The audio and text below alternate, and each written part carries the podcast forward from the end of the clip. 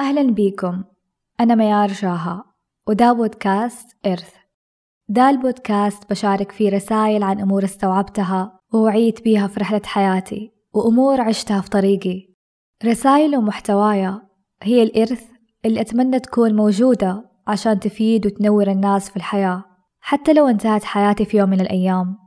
ولهذا السبب سميته إرث لأني متأكدة إنه كلمة مني ممكن تكون رسالة نور ووعي لشخص ما في ذا العالم.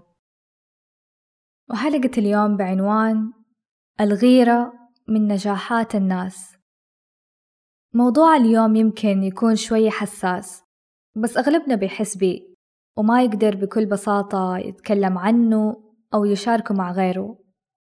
هي حلقة تتكلم عن مشاعر معينة فالكلام ما هو جاي من مختص نفسي أو كلام علمي.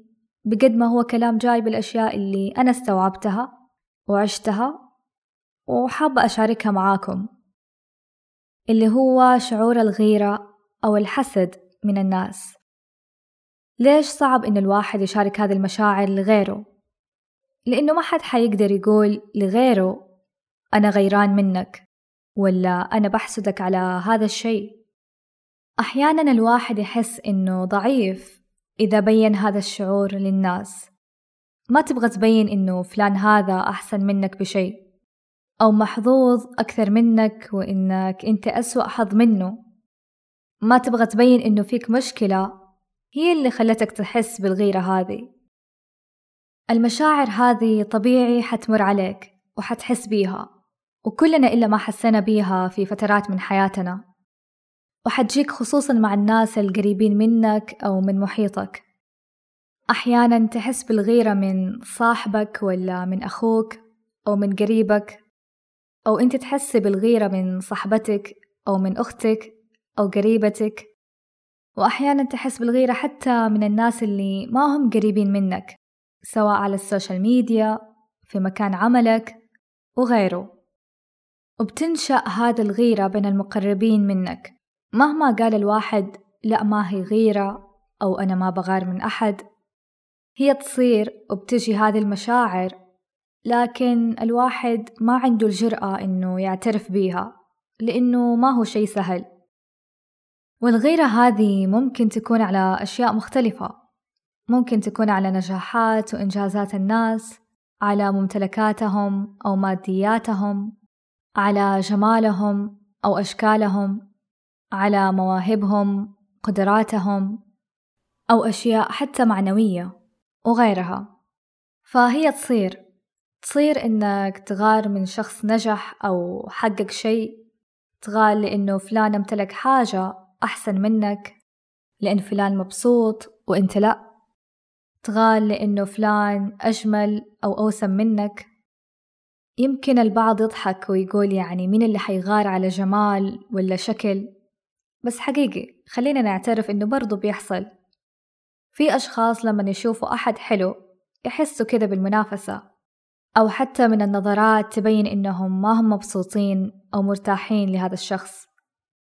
أو يتوتروا ويصيروا كل شوية كده يقارنوا بينهم وبين فلان ويطلعوا عيوب فيه بدون أي سبب. ومع السوشيال ميديا يعني الواحد ما يحتاج يقول قد إيش بتصير مقارنات وهجوم على بعض الناس والواحد حتى نفسه ما يبغى يعترف إنه ممكن فعلا حس بمشاعر غيرة ولو شوية. فالغيرة أوقات تكون طبيعية لو كانت بنسبة بسيطة وبعدها يعدي هذا الشعور ويروح.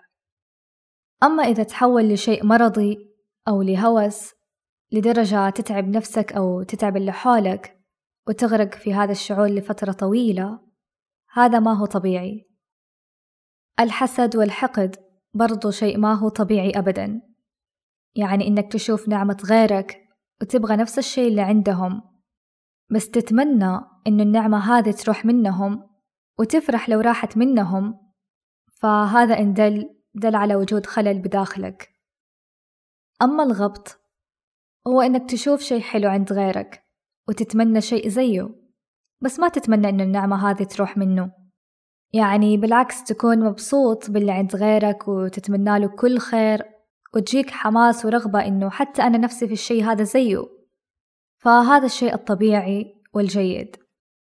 فأحيانا وقوعك في مشاعر الغيرة والحسد تكون بسبب واحد عقد أو مشاكل نفسية أتكونت بسبب كلام أو تصرفات بعض الناس أو مواقف أثرت في حياتك. اثنين بسبب عدم أمان في داخلك وعلاقتك المهزوزة بنفسك وإحساسك بالنقص في داخلك وإنه ما عندك التقدير الكافي لذاتك. يعني تحس بداخلك إنك أقل أو ناقص في شيء معين. فكل ما شفت شخص عنده شيء جيد أو شيء حلو تحس بالتهديد فتغار أو تحسده. ثلاثة بسبب إنك عايش في عقلية السباق فتعيش وإنت شايف اللي حولك هم منافسين لك كأنك بسباق معاهم وجالس تجري وراهم. فهذه العقلية كمان هي اللي بتخليك تحس بالتهديد. فكل ما نجح شخص تحس إنك لازم تكون أنجح منه. كل ما شفت شخص جميل تحس إنك لازم تكون أجمل منه. كل ما شفت شخص ذكي تبغى تكون أذكى منه. كل ما شفت شخص عنده فلوس تبغى تكون أغنى منه. وهكذا. تعيش في عقلية السباق والمنافسة اللي أنا أبغى أكون الأول الأفضل دايما. وأساسا ما حد قال لك تدخل هذا السباق. أنت اللي بيدك حطيت نفسك فيه. وما أنكر أنه هذه العقلية والتنافس أو إحساس الغيرة قد تكون يعني انزرعت في البعض من الصغر سواء من الأهل من المدرسة البيئة اللي كان عايش فيها أسلوب التربية اللي كان متربي عليها كلام الناس المحيطين بيه. مقارنات أو أسلوب تشجيع كان بنوع من التحطيم على أساس إنه الطفل يطلع أنجح أو أفضل أو أذكى بس تكون للأسف يعني زرعت فيه أشياء سيئة وحفزته لما كبر على الغيرة والحسد. فأكيد إنه هذه الأشياء لها دور كبير في الشخص. يعني ما حد انولد وكبر وصار إنسان بالغ وفجأة قرر وقال يلا أبغى أغار ولا أحسد ولا أحقد على الناس. وطبعا ماني جالسة أبرر للناس اللي عندهم هذه المشاعر أو هذه الصفات ومن كثر الحسد والغيرة اللي فيهم جالسين يأذوا الناس. لكن خلينا نستوعب بس أسباب هذه المشاعر والتصرفات بدال ما نهاجمها. يصير حتى لو أحد من المستمعين الآن كان بيعاني من واحدة من هذه الأمور يقدر يفهم نفسه بدال ما يجلد نفسه إنه ليه صار كذا أو بيتصرف كذا. فموضوع الغيرة أو الحسد غالبا هو جاي من شيء نفسي من كلاكيع أو عقد بداخلك من إحساسك إنك أنت مو كفاية وغيرها. فشيك على نفسك من الداخل حاول تعرف أنت ليه حاس بهذا الشيء. هل عندك نقص في شيء معين؟ نقص في تقديرك لذاتك؟ هل علاقتك سيئة بنفسك؟ هل عندك إحساس بالمنافسة؟ وهكذا. وأنا ما راح أكذب وأقول إنه عمري ما حسيت بهذه المشاعر وهنا يعني بحاول أتكلم بكل شفافية معاكم. طبيعي إني إنسانة وحسيت بغيرة من أشياء يمتلكوها الناس أو أشياء حققوها الناس أو غيرة من أشخاص بحد ذاتهم. ودخلت في عقلية السباق لما أشوف شخص وصل لشيء فأغار وما أنبسط لأني ما وصلت زيه أو ما عندي الشيء اللي عنده. أو أزعل إذا كان نفس الشيء بس شخص ثاني حصل عليه قبلي. خصوصا لما يكون شخص يعني بعمري أو قريب مني فأحس دايما بالتنافس. وحتى أتذكر لما كنت في سن أصغر أو في سن المراهقة وأشوف بعض البنات أحلى مني. كل اللي أفتكره أحس إني ما كنت مبسوطة وحاسة كذا بغيرة إنها هي محظوظة وأنا لأ ومن هذه الأفكار. لكن زي ما قلت هو واقع. يعني في ناس حتغار من ناس عشان جمال ولا شكل ولا جسم. وهذه الأشياء كلها ترجع لإيش؟ لعلاقتك ونظرتك أنت لنفسك واللي بداخلك أنت. فأنا مريت فيهم وعشتهم. وبعض الأحيان تجيني إلى الآن يعني مشاعر غيرة بس بنسب مرة مرة بسيطة. يعني أعيش الشعور ويعدي خلاص. بس طبعا مرة فرق عن أول. الآن الحمد لله أحس أني مرتاحة من نفسي. حتى لو أحد حقق شي حلو شي أفضل مني مرة أفرح له. وإذا قدرت أروح أكلمه وأهنيه أسوي هذا الشي وأنا مبسوطة وأعنيه. وإذا شفت ناس أحلى مني أقول ما شاء الله قد إيش هذه الإنسانة حلوة تجنن وما هو تسليك بس هو فعلا إذا شفت شيء حلو بقول إنه حلو. يعني ما ححس بالغيرة أو بمنافسة وما أدخل نفسي في مجال مقارنة من الأساس. وإيوة ممكن أغبط ناس بس ما أحسدهم. فإذا أنت بتمر بهذه الأشياء أو مريت بهذه الأشياء فأنت مو لوحدك. ولهذا السبب أصلا سويت هذه الحلقة عشان أقول لك كيف أنا ساعدت نفسي من هذه المشاعر. فكل ما شفت أشياء جميلة عند غيرك وواصلين لنجاح وخير وعندهم نعم تتمناها ودخل في قلبك ذرة من الحسد والغيرة واحد تحتاج إنك تلتفت لنفسك وتحسن علاقتك ونظرتك لذاتك. وتحاول تشتغل على الأمور النفسية والعقد اللي بداخلك اللي لها علاقة بهذا الموضوع. وتحاول تشتغل على نفسك إنك تكون مليان من داخلك وتحب ذاتك وتكون شخص كذا غني من جوا. هذا الشي مرة بيساعدك كثير في موضوع الغيرة والحسد لأنه ما حيكون عندك وقت إنك تطالع لغيرك أو تقارن وتحسد لأنك مشغول بنفسك وبحياتك. اثنين حاول تنظف قلبك بإنك تفرح لهم وتتمنى لهم الخير من داخلك حتى لو أنت مو مية بالمية صادق في هذا الشيء. ثلاثة أدعي لهم وادعي لنفسك. كل ما شفت شيء حلو عند غيرك مثلا أدعي الله يرزقهم ويبارك لهم ويرزقني. الله يوسع عليهم ويوسع علي وهكذا. كل ما شفت شيء حلو عود نفسك إنك تدعي.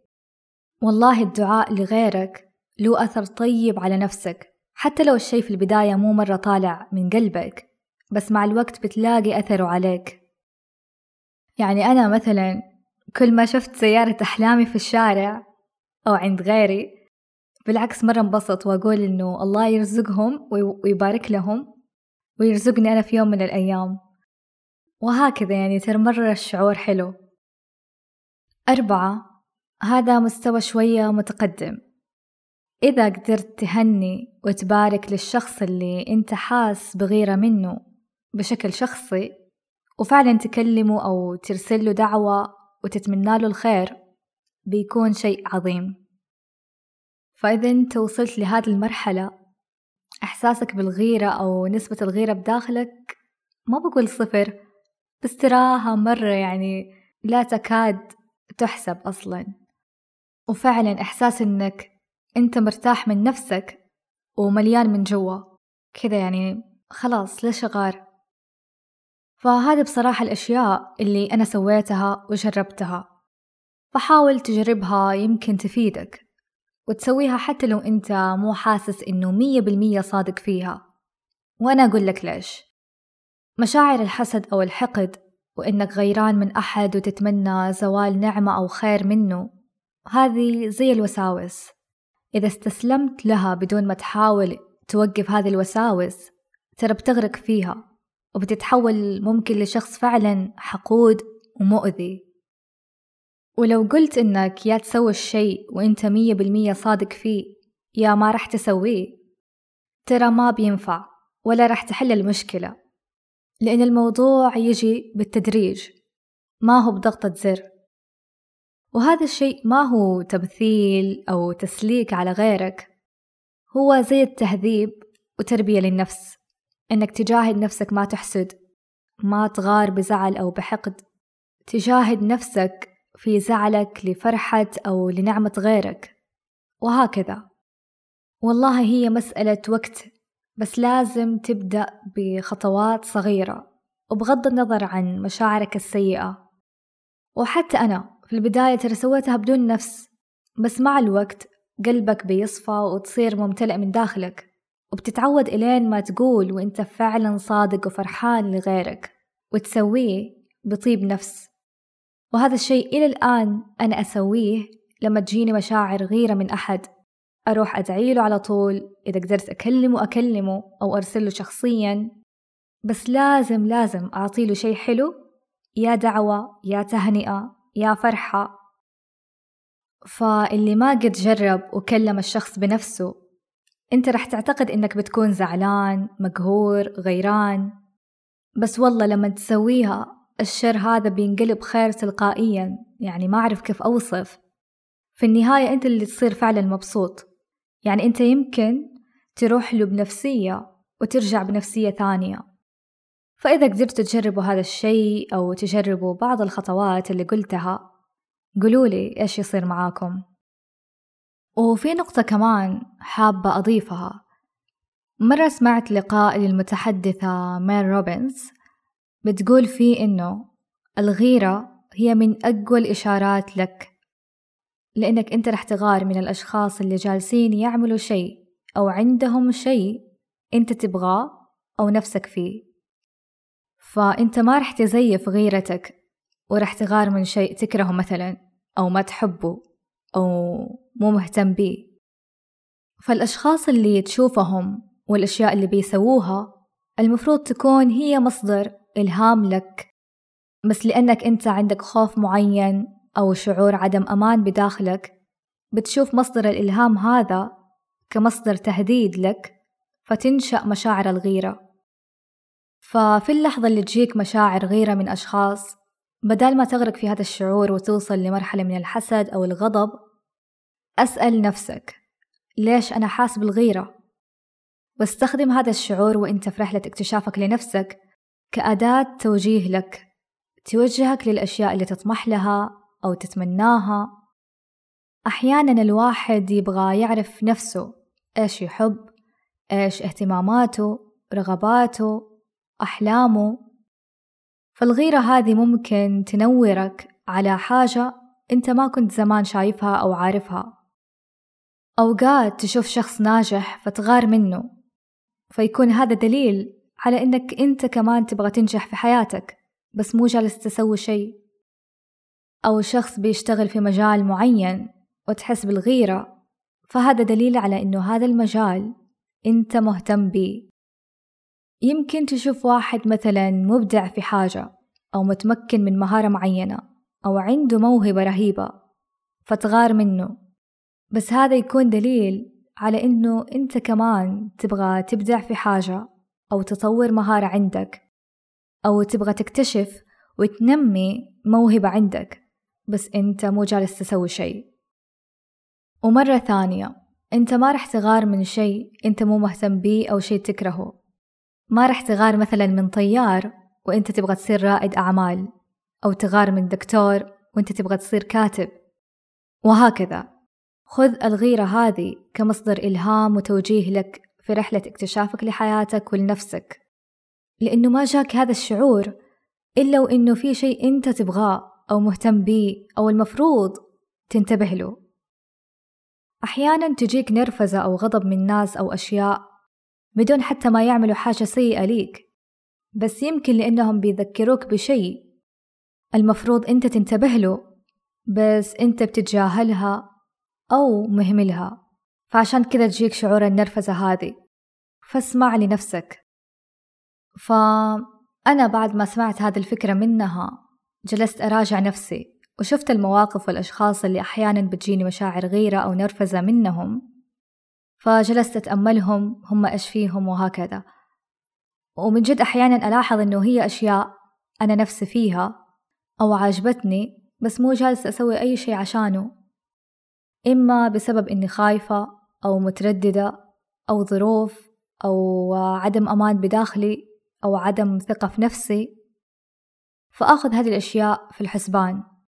وأحيانا ترى مو شرط الأشياء اللي أنت تغار منها تكون هي بالضبط الأشياء اللي أنت تبغاها. يمكن يكون شيء قريب منه أو يشبهه بطريقة ما أو يذكرك بحاجة ثانية. ومو شرط تغار من شيء أنت خايف منه أو ما عندك ثقة فيه بل بالعكس قد يكون شيء أنت جالس تسعاله وبتشتغل عليه بس لسه ما وصلت. فتغار من اللي وصل قبلك وهذا برضو نتيجة تفكيرك بعقلية السباق. وفي النهاية حابة أقول إنه أحيانا الغيرة بتولد نوع من الأنانية والتنافس فيصير مستوى الأنا عند الشخص عالي جدا. يعني يبغى الشي لنفسه بس ما يبغى أحد زيه ما يبغى أحد أفضل منه. بس آه، في مقولة أحبها لمحمد الخميس الله يرحمه يقول إذا نهضت أنهض باللي حولك. ومن يومها وأنا تغيرت عقليتي وأخذتها قاعدة في حياتي وبحاول أمشي بيها. يعني إذا نجحت ساعد الناس اللي حولك حتى ينجحوا معاك. إذا حققت إنجاز رهيب أدعم اللي حولك في إنجازاتهم. إذا استفدت من شيء وغير حياتك شاركها وفيد غيرك إذا أنت نهضت في هذه الحياة ساعد غيرك إنهم ينهضوا معاك.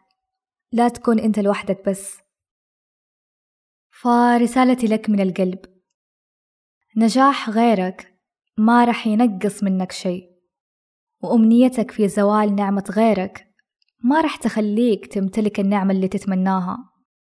وفي كل مرة تشوف غيرك عندهم أشياء أجمل ومحققين أشياء أفضل أفرح لهم. لأن الرزق اللي عندهم من الله. هو قادر يرزقهم ويرزقك أنت كمان. واشتغل على نفسك عشان تكون مرتاح من داخلك لأنك لما تكون مرتاح ما رح يكون عندك وقت عشان تحقد أو تحسد. ترى ما في شعور وحياة أجمل من لما تعيشها وإنت حاب الخير لغيرك زي ما تحب الخير لنفسك. فدعم اللي حولك وساعد غيرك وافرح لهم لما يوصلوا يحققوا أشياء حلوة في حياتهم زي ما بتفرح لنفسك.